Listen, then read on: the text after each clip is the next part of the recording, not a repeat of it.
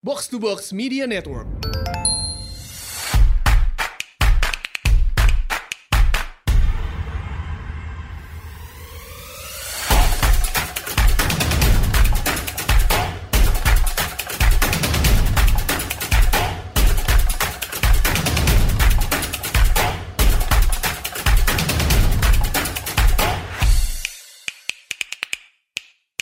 Selamat datang di Asumsi Bersuara. Kali ini kita akan bahas sebuah isu yang lumayan ramai nih di satu dua minggu belakangan ini terkait uh, wacana peleburan beberapa lembaga riset nasional ke Badan Riset dan Inovasi Nasional atau BRIN.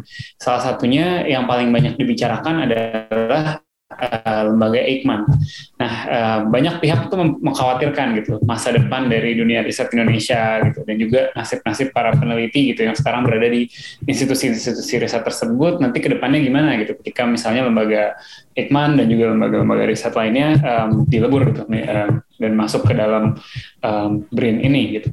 Nah, kali ini uh, kita kedatangan Bapak Amin Subandrio Pak Amin Subandrio ini adalah uh, mantan kepala biologi molekuler Eijkman, lembaga biologi molekuler Eijkman tahun 2014 sampai 2021 kemarin. Uh, Pak Amin, uh, welcome to the podcast Pak. Selamat datang di Asumsi Bersuara. Terima kasih. Pertama-tama nih ya, banyak kan pendengar kita masih rada uh, samar-samar gitu. Uh, apa sih sebenarnya lembaga Eijkman gitu? Mungkin baru dengar belakangan gitu ketika uh, mau dilebur ke ini kan lumayan banyak ributnya kemarin di sosial media Pak. Mungkin sebelumnya boleh bantu diceritakan dulu sebenarnya secara singkat uh, lembaga Ikman tuh lembaga apa sih gitu? Lembaga ya. um, bergerak di bidang apa gitu? Apa yang dilakukan gitu? Uh, Oke okay, baik. Sebenarnya dalam situasi yang sekarang ini lembaga Ikman adalah lembaga yang paling kecil hmm. sebetulnya.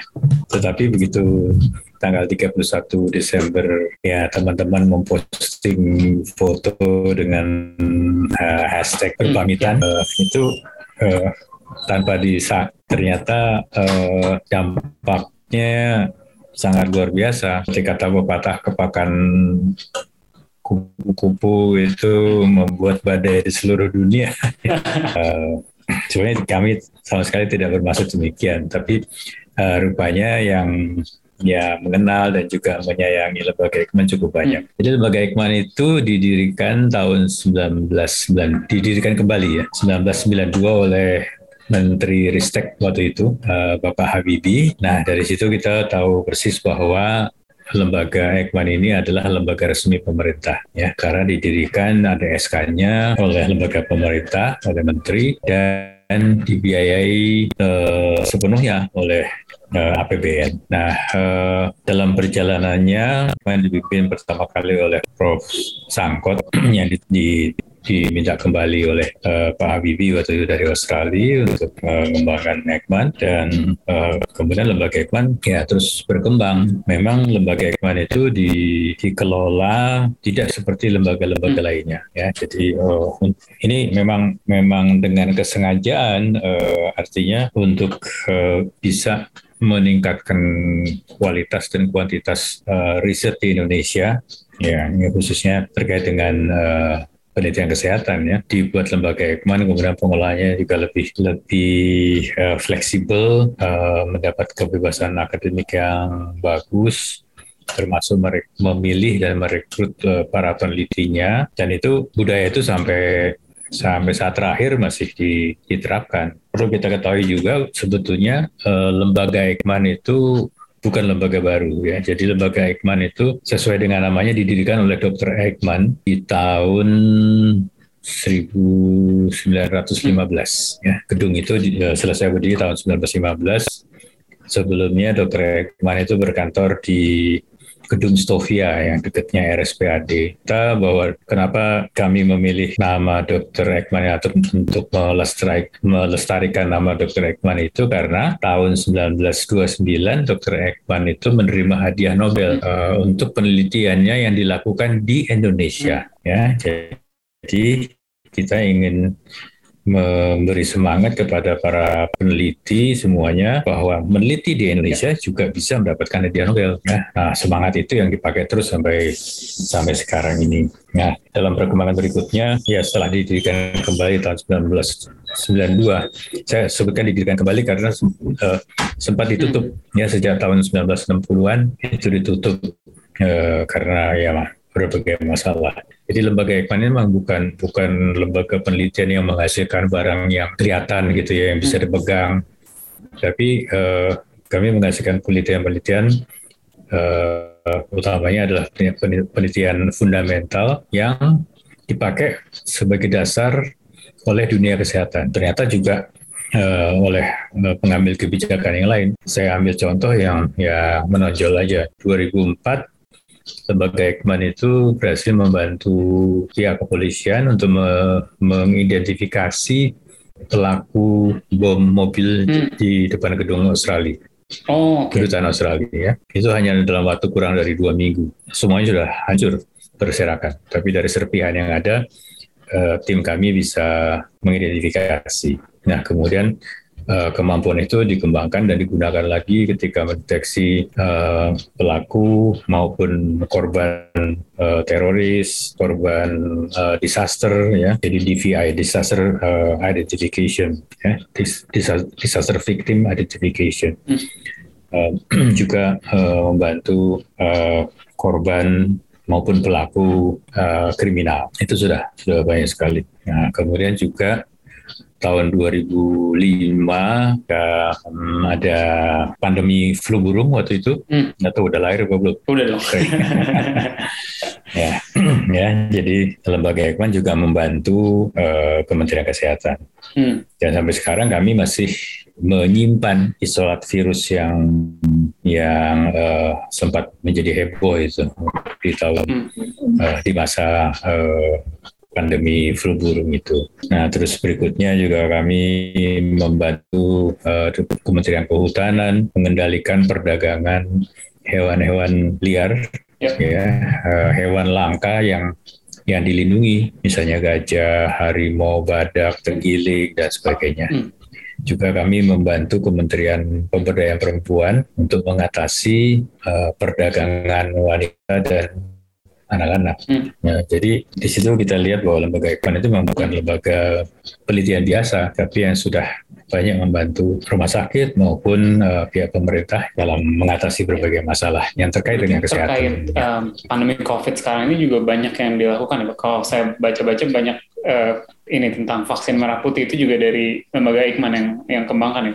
Uh, betul. Jadi uh, sebenarnya sejak sejak bulan Januari tahun 2020 kami sudah mulai bergerak ya begitu di di uh, Cina sudah mulai merebak ini sudah sudah memprediksi bahwa ini akan menjadi masalah dunia. Jadi kami sudah mulai dan itu didasarkan pada pengalaman sebelumnya. Selama 3 5 tahun sebelumnya kami memang sudah sudah melakukan penelitian untuk meng, mendeteksi dan mengidentifikasi uh, virus maupun bakteri artinya mikroba ya yang menjadi penyebab penyakit yang uh, hmm. tidak bisa didiagnosis ya jadi uh, misalnya demam disangka dengue ternyata hmm. bukan dengue mungkin ingat tahun 2015 ya.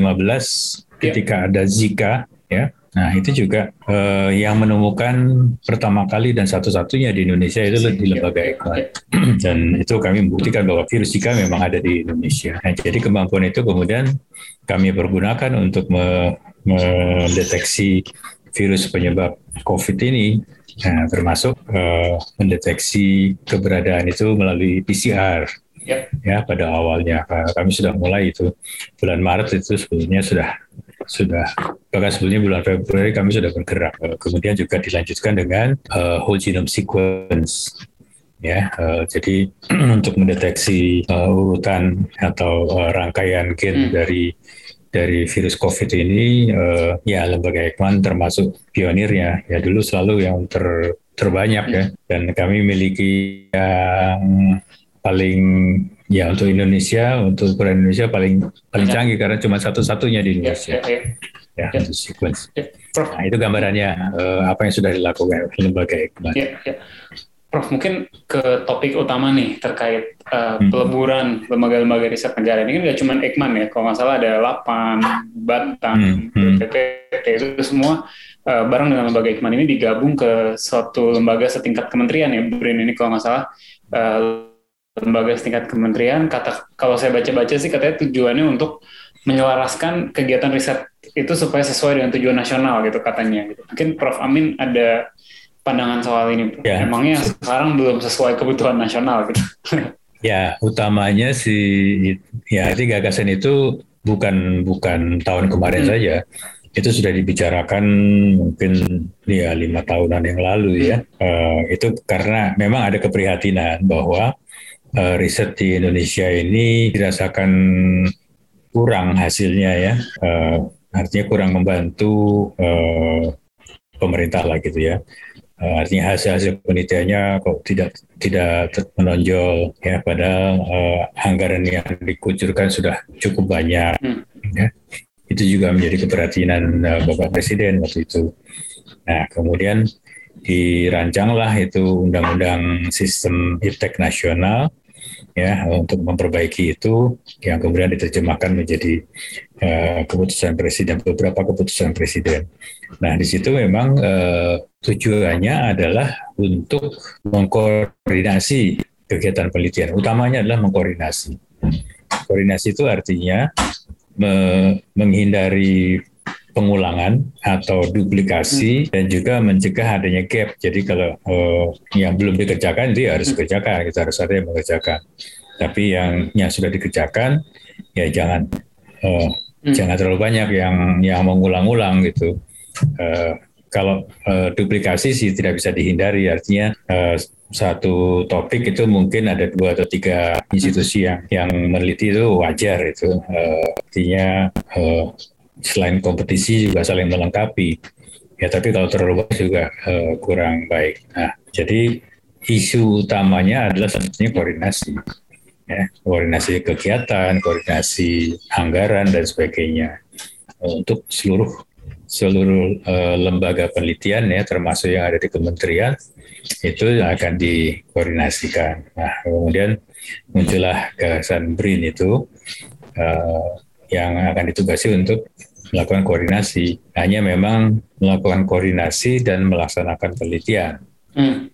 Nah, yang kemudian diterjemahkan sebagai pelaksana penelitian itu ya hanya BRIN, yang lainnya nggak boleh lagi. Jadi semuanya harus di dalam BRIN itu yang kemudian di- diterjemahkan menjadi eh, semuanya harus bergabung di Ya. BRIN, termasuk lembaga Eijkman. Em, tapi kan tadi di di awal eh, di awal rekaman kita eh, Prof Amin sempat sebut ya bahwa ini dimulai dari banyak ketika banyak peneliti yang eh, yang say goodbye gitu em, orang lalu mulai bersimpati dan lain-lain. Tapi kalau ini hanya pel- maksudnya eh, kalau maksudnya ini kan bukan berarti lembaga Eijkman-nya udah tidak ada lagi kan eh, Pak Amin ya yang ada menjadi menjadi bagian dari eh, BRIN gitu ya. Em, apa sih yang terjadi sebenarnya eh, Pak kenapa ada seakan-akan bubar gitu padahal enggak atau atau sebenarnya ada ada sesuatu Lembaga Eijkman sendiri sudah diganti dengan Pusat Riset Biologi Molekuler Hmm. Eijkman. Jadi yang tadinya namanya Lembaga Biologi Molekuler Hmm. Eijkman diganti menjadi Pusat Riset Biologi Molekuler Hmm. Eijkman. Ya, kelihatannya masih sama, Eijkman-nya masih ada, tetapi statusnya sudah berbeda. Ya, jadi memang di satu sisi kelembagaannya itu menjadi lebih jelas ya bahwa itu ada organisasinya itu lebih jelas. Hanya saja levelnya berubah. Kalau di eh, keputusan Menteri Ristek Dikti tahun 2015, Ekman itu ditempat, ditempatkan di eh, memang bukan di di organisasi atau di struktur utamanya, tetapi merupakan satu bagian di di luar struktur itu cuman bertanggung jawab langsung kepada menteri. Hmm. Nah, sekarang ini eh, posisinya tidak di situ, tapi eh, tidak langsung ke menteri, tapi lewat eh, namanya kepala organisasi riset gitu ya. Nah, jadi kita bisa lihat levelnya oh turun, justru turun ya turun. Ya, jadi yang tadinya lembaga Eijkman bisa melakukan kerjasama langsung dengan berbagai instansi di level eselon 1 ya misalnya kami bisa menandatangani kerjasama atau MOU dengan rektor saya tanda tangan eh, MOU dengan rektor ITB, rektor UGM, rektor ya beberapa universitas lah gitu ya. Kemudian juga dengan dengan kementerian atau dengan lembaga lain, yaitu Hmm. tapi sekarang udah nggak boleh lagi. Eh, sekarang eh, sebagai pusat riset biologi molekuler Ekman uh, tidak tidak lagi boleh tanda tangan perjanjian kerjasama lagi, yang boleh level di atasnya. Hmm. Ya, nah uh, itu satu perubahan yang yang drastis. Buat kami sih uh, struktur organisasi diperjelas kelembagaannya itu uh, oke okay lah, artinya kita tidak terlalu bermasalah. Hmm. Selama kegiatan penelitiannya tetap bisa jalan, ya hmm. uh, idealnya kan seperti itu. Hmm. Hanya saja kelembagaannya di tanda petik diperkuat, tetapi lembaganya sendiri uh, tidak demikian karena hmm ya namanya sudah ganti, kemudian uh, beberapa peraturan juga sudah diubah yang dulunya boleh sekarang nggak boleh. Ya, nah itu yang menyebabkan uh, kemudian uh, muncullah tulisan media sosial atau media media mainstream ya saya lupa. Hmm. Itu yang menyebutkan bahwa uh, beberapa peneliti di lembaga Ekman kemudian harus meninggalkan pekerjaannya karena memang tidak bisa lagi hmm. dibayar hmm. honornya. Spesifik soal itu, um, kenapa memang ya, uh, Pak Amin sejak dilebur maka ada masalah dengan uh, pembayaran honornya apa apa hubungannya gitu dengan apakah ketika dia menjadi bagian dari BRIN lalu tidak ada lagi budgetnya atau, atau uh, enggak sistemnya yang dianut uh, menurut menurut uh, aturan yang sekarang hmm. bahaya jadi gini sistemnya peneliti-peneliti yang e, melakukan kegiatan penelitian itu harus ASN. Oh, I see. Yeah. Nah, jadi mereka yang di, dibayar memang e, menurut informasi akan e, dibayar cukup tinggi, hmm. ya, ya mungkin dua tiga kali lebih banyak daripada sebelumnya. Ya. Hmm. Tapi, hanya ASN. Hanya yang ASN dan tidak boleh tidak tidak boleh lagi merekrut uh, tenaga honorer. sih jadi hanya jadi harus rekrutmen ASN dulu baru mereka ini boleh melakukan riset gitu. Sementara kalau ya. dulu nggak seperti itu dulu lebih dulu, dulu tetap bebas. tetap tetap uh, uh, yang melakukan sebagai peneliti utamanya adalah yang ASN. Hmm. Ya, uh, tetapi sebagaimana lazimnya satu penelitian itu tidak mungkin dikerjakan sendiri, ya, apalagi penelitian-penelitian uh, uh, biologi molekuler dan sebagainya ya, ya penelitian di bidang uh, life science mungkin dikerjakan sendiri. Hmm. ya uh, karena si peneliti itu juga uh, nggak mungkin semua menangani ya ibaratnya kalau yang di pertanian itu nah sistem sekarang peneliti berarti harus nyangkul sendiri harus ngairin sawah sendiri ya uh, karena nggak boleh tuh membayar honorer untuk untuk bantu nyangkulin tanahnya atau uh, mengairi sawahnya itu hmm.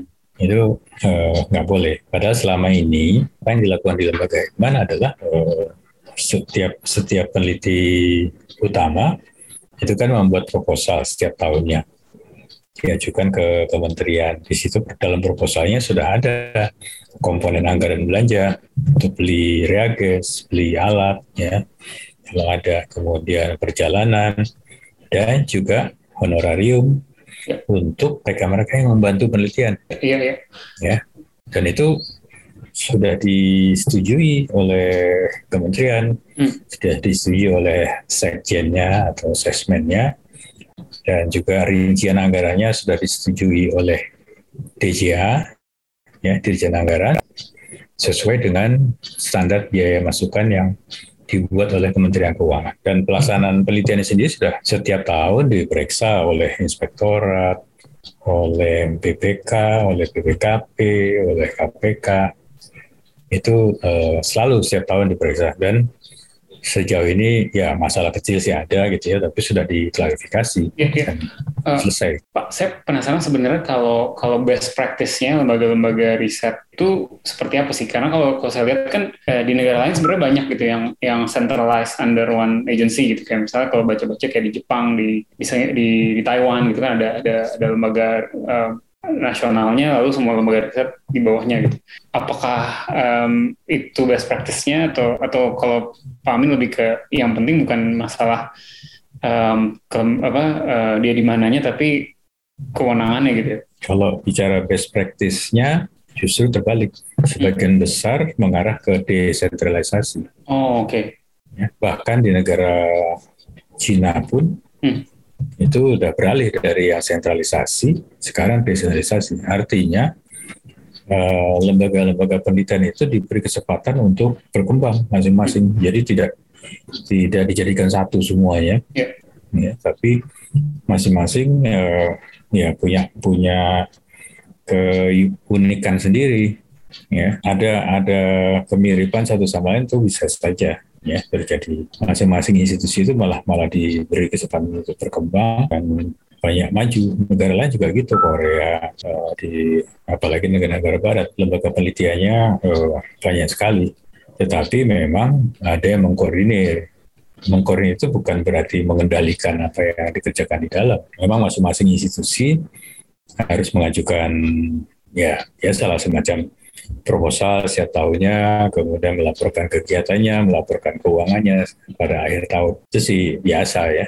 Tapi dalam melakukan kegiatannya mereka diberi kewenangan untuk membuat kerjasama, untuk merekrut eh, tenaga-tenaga eh, peneliti, ya menerima mahasiswa magang, eh, sangat mendorong kegiatan penelitian. Ya. Di samping itu juga mendorong munculnya tenaga-tenaga peneliti baru yang handal, yang muda-muda itu. Hmm. Karena mereka diberi kesempatan. Bukan cuma yang S3 aja yang direkrut, ya, tapi dari dari eh, lulusan baru kalau memang mereka eh, perform Hmm. itu terus dibina. Pak Amin, mungkin satu hal yang banyak menjadi kegelisahan masyarakat juga gitu ya, adalah eh, terkait eh, ke figur kepala Dewan Pengarah BRIN. Ini kan eh, Bu eh, Presiden Megawati ya. Em, di apa yang menjadi menjadi kepala Dewan Pengarah BRIN itu mulai banyak orang bertanya-tanya gitu. Em, apa memangnya sebenarnya tugas dan wewenang kepala eh, BRIN eh sorry kepala Dewan Pengarah BRIN ini apa gitu sehingga dijabatnya oleh oleh tokoh politis lah ya bukan bukan dari akademia gitu. Sebenarnya em, kekhawatiran masyarakat ini menurut Prof Amin bagaimana gitu atau Prof Amin, eh, Pak Amin sendiri melihatnya bagaimana gitu Eh, kalau buat saya tidak masalah siapa pun yang duduk di situ. Hmm. Yang penting dia punya perhatian besar terhadap perkembangan ilmu pengetahuan dan teknologi dan ya memahami lah itu ya, memahami isunya, memahami eh, cara mengatasinya. Kira eh, di situ eh, yang dibutuhkan memang ada leadership ya, baik leadership eh, dari sudut eh, manajerialnya maupun leadership dalam dalam eh, ilmiahnya. Hmm. Eh, tidak selalu harus orang yang yang eh, ya memang orang di bidang ilmiahnya gitu ya misalnya. Tapi eh, sering kali memang dibutuhkan seseorang yang yang berpengaruh eh, untuk bisa eh, me- mengendalikan, tapi bukan berarti di ya semuanya harus harus sesuai harus mengikuti kaidahnya sendiri ya. Jadi yang penting seperti tadi saya sebutkan eh, figur itu harus eh, memiliki pemahaman yang bagus tentang per- perkembangan eh, ilmu pengetahuan dan teknologi. Ya. Orangnya siapa saya saya eh, nggak tidak mempermasalahkan siapa pun bisa di situ. Ya, ya, ya. Em, mungkin eh, satu hal lagi yang yang em, pengen saya tanyakan juga ini terkait ini banyak kekhawatiran juga tentang eh, resources em, yang jadinya harus share Pak Amin ya. Jadi saya baca em, kalau ta- em, banyak em, misalnya fasilitas-fasilitas dari lembaga Ikman dan juga yang lain-lain itu semua decentralized juga dan jadinya kalau butuh sesuatu ya harus melalui proses birokrasi dulu gitu untuk untuk mendapatkan em, akses ke fasilitas riset tersebut itu benarkah be- demikian dan itu seberapa masalah gitu Pak? Eh, ya, jadi konsep yang dianut dan itu berkali-kali disampaikan oleh pimpinan BRIN bahwa konsep yang dianut adalah konsep co-working space. Coworking space, oke. Jadi satu ruangan peralatannya itu bisa dipakai rame-rame. Hmm. Jadi ada ruangan, ada meja, ada mungkin ada komputer atau ada mesin fotokopi. Nah, itu bisa dipakai rame-rame secara, secara bergiliran. Hmm. Nah, namanya giliran kan pasti kan harus daftar dulu kan ya. Hmm. Nggak bisa kan berebutan semuanya datang pada saat yang bersamaan. Jadi harus ada yang mengatur.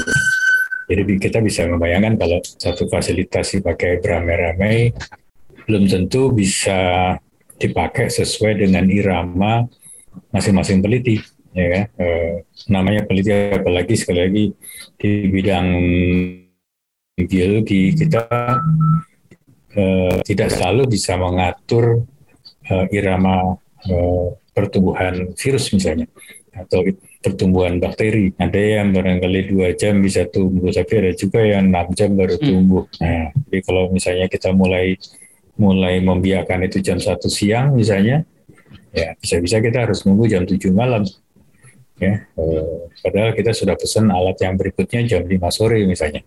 Eh, itu yang eh, salah satu yang sudah dibayangkan hmm. akan menjadi kendala. Belum lagi kalau kita bicara uh, masalah uh, safety dan security, ya keamanan dan keselamatan di laboratorium. Siapa yang bertanggung jawab tentang hal tersebut di laboratorium kalau lab itu dipakai pramerek ya. Karena di laboratorium uh, kami di Ekman dan juga di beberapa laboratorium masuk ke laboratorium aja itu seperti masuk fasilitas dengan keamanan tinggi. Harus punya kartu, harus lewatin uh, pintu akses, ya harus terdaftar. Hmm. karena memang betul bahwa kita harus tahu persis apa saja uh, virus yang kita simpan dalam ruangan itu. Hmm. Kemudian siapa saja yang punya akses, tidak tidak boleh semua orang bisa bisa buka lemari, buka buka inkubator, kemudian ya iseng-iseng melihat uh, tabung kita misalnya Hmm. Ya, kalau misalnya tabung itu berisi virus atau bakteri yang berbahaya, kemudian tidak sengaja jatuh misalnya, hmm. itu kan bisa membahayakan sekelilingnya. Belum lagi kalau misalnya hilang dan sebagainya. Ya, jadi eh, kita harus memiliki apa yang disebut sebagai eh, komponen dari biosecurity. Yang satu adalah physical security. Ya. Akses ke ruangan itu harus dibatasi. Yang kedua, personal security orang yang masuk di situ juga harus terdaftar. Tidak semua orang boleh masuk. Hanya orang yang mengerti semua prosedur keselamatan, keamanan dalam itu yang yang boleh masuk. Yang ketiga adalah material security, ya barang-barang di situ dan juga utamanya adalah bahan biologik itu tidak boleh sampai hilang, tidak boleh sampai rusak. Hmm. Sekali lagi itu merupakan VBM namanya valuable biological material, ya. ya, ya. itu harus di dijaga bersama. Ya. Tambah Jangan lagi, sampai, hmm.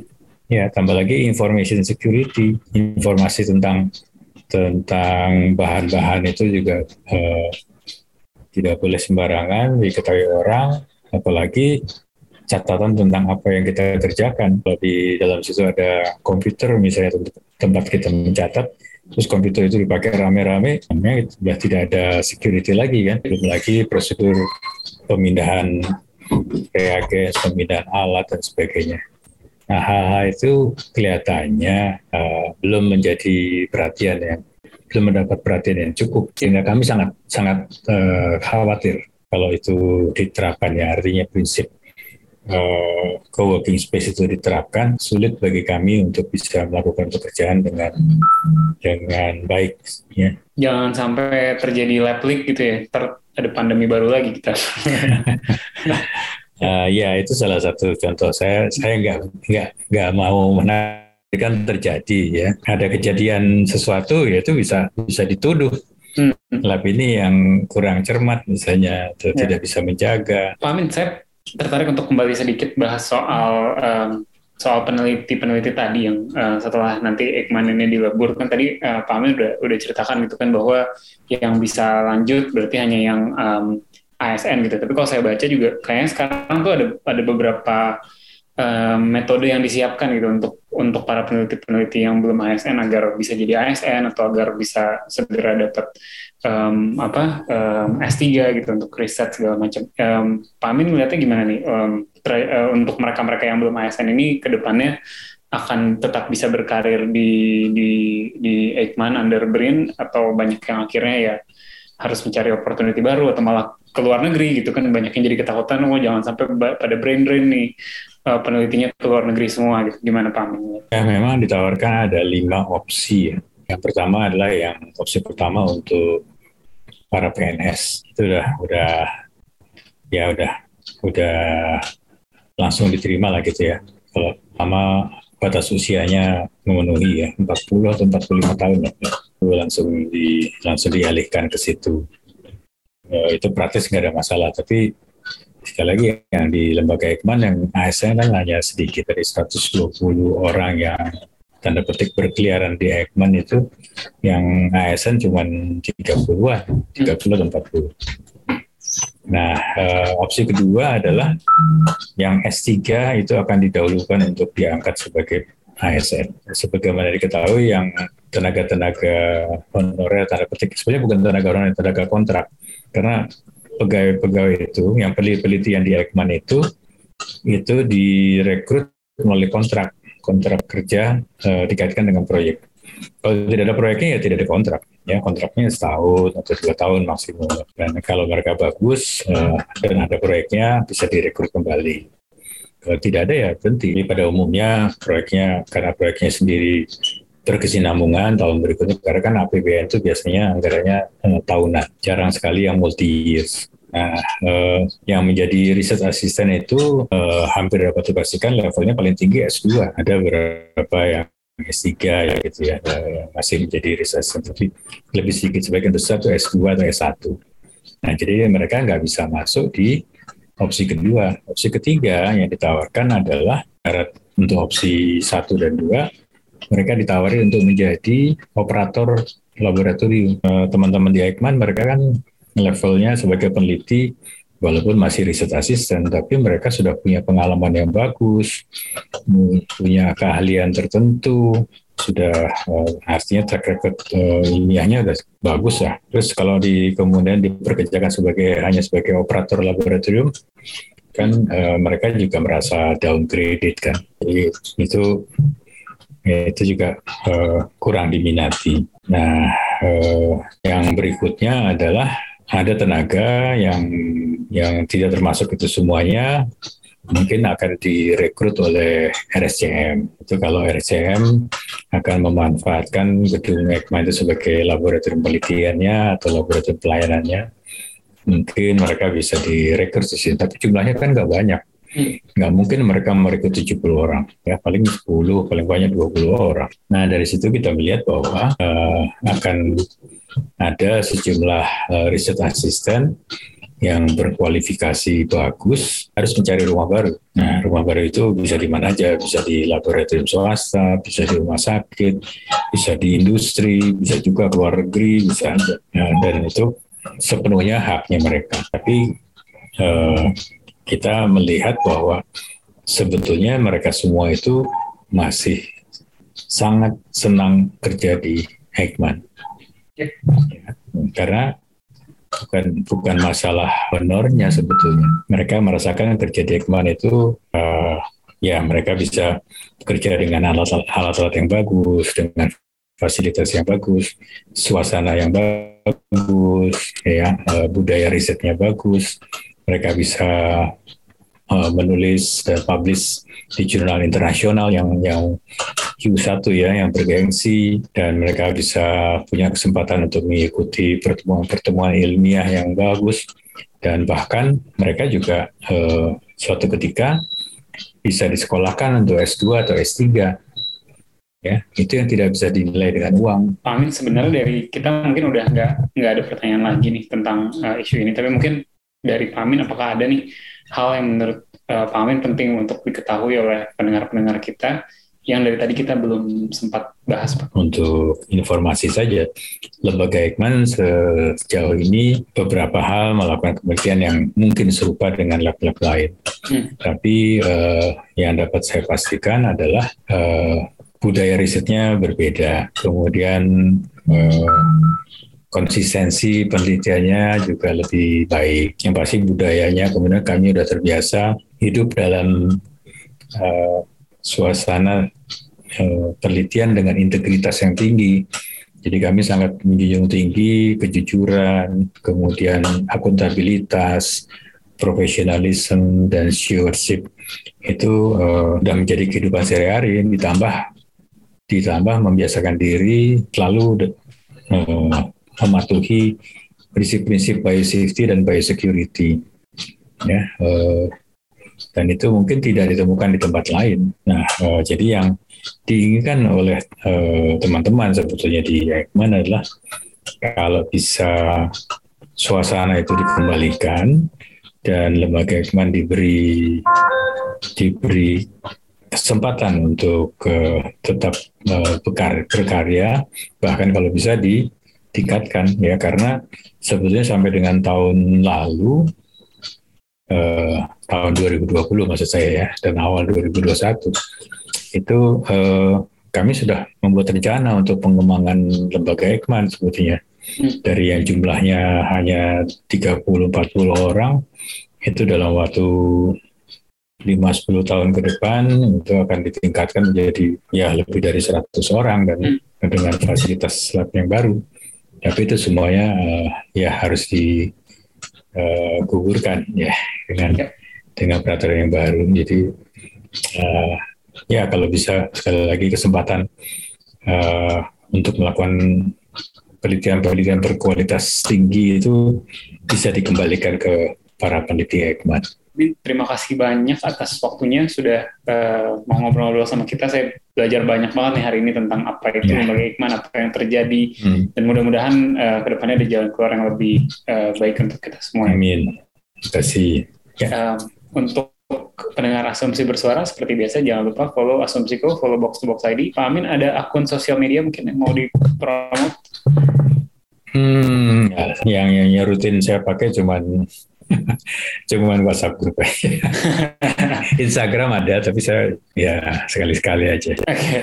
oke. Okay. Sampai jumpa lagi di episode berikutnya Selasa depan. Terima kasih, selamat malam. Terima kasih Prof. Amin.